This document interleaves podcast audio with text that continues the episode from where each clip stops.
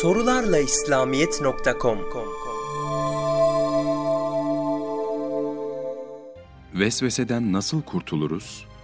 Değerli kardeşimiz, vesvese tamamen telkinden ibaret bir şeydir. Vesveseyi aklınızda bitireceksiniz.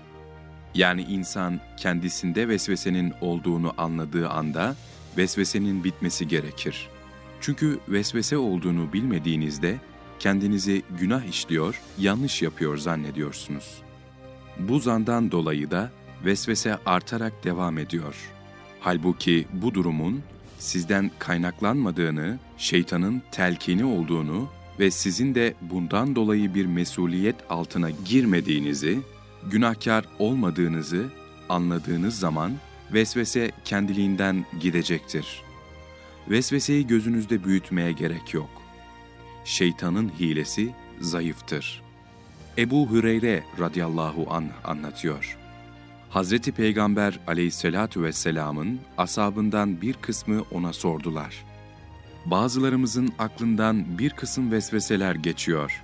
Normalde bunu söylemenin günah olacağına kaniyiz. Hazreti Peygamber aleyhissalatu vesselam, gerçekten böyle bir korku duyuyor musunuz diye sordu. Oradakiler evet deyince işte bu korku imandan gelir, vesvese zarar vermez dedi. Diğer bir rivayette şeytanın hilesini vesveseye dönüştüren Allah'a hamdolsun demiştir. Müslim'in İbni Mesud radıyallahu andan kaydettiği bir rivayet şöyledir. Ey Allah'ın Resulü!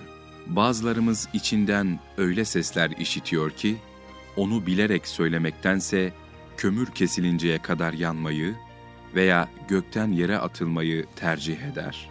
Bu vesveseler bize zarar verir mi? Hz. Peygamber aleyhissalatü vesselam, hayır, bu korkunuz gerçek imanın ifadesidir cevabını verdi.